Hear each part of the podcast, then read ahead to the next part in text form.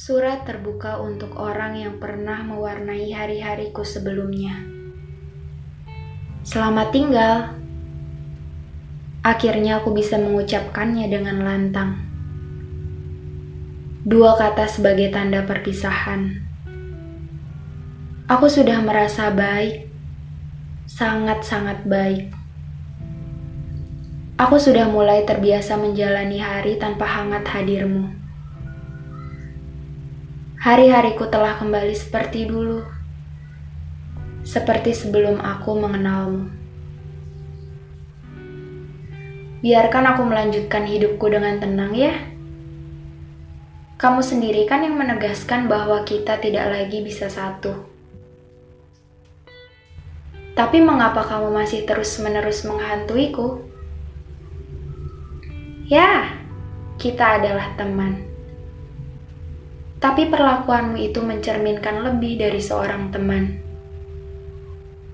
Dan aku tidak bisa terus-menerus seperti itu.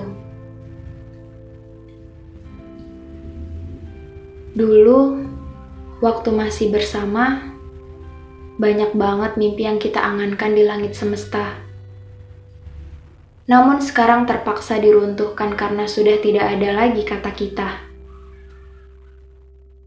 Hal-hal yang selalu indah jika kita lakukan bersama, kini terasa menyakitkan karena tanpa ada kamu di dalamnya. Aku pernah bertahan pada satu pilihan yang kuyakini selamanya, namun akhirnya hanya memberi luka. Sudah cukup seperti katamu. Aku memahami bahwa tak semua kebaikan akan ditukar dengan kebaikan juga tapi bahkan dengan rasa sakit.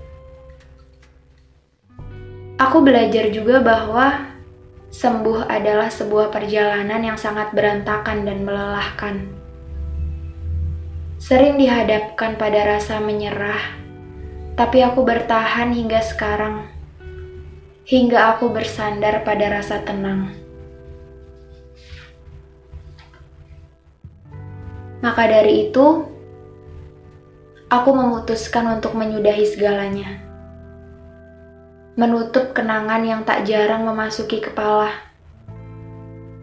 Tak perlu lagi ada pertanyaan apa kabar atau bagaimana hidupmu sekarang. Karena satu kalimat darimu melunturkan segala keyakinanku untuk melangkah maju. Aku akan selalu baik dengan ataupun tanpamu. Lalu akhirnya aku belajar bahwa hidup bukan perkara impas-impasan. Dulu memang aku belum bisa menerima ketika dihadapkan pada orang yang datang di masa-masa tersulitnya saja. Dan ketika memerlukan bantuan, dia sering tidak ada.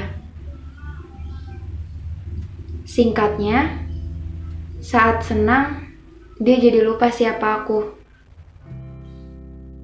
Tapi ternyata makna hidup lebih dari itu. Bukan hanya tentang luka balas luka atau darah balas darah, tetapi bagaimana caranya kita harus bersikap baik kepada orang lain. Ini yang aku terapkan pada hubungan yang kujalin kala itu. Ya, walaupun pada akhirnya he decided to let go of my life. Ya nggak apa-apa, Mungkin I deserve better than him.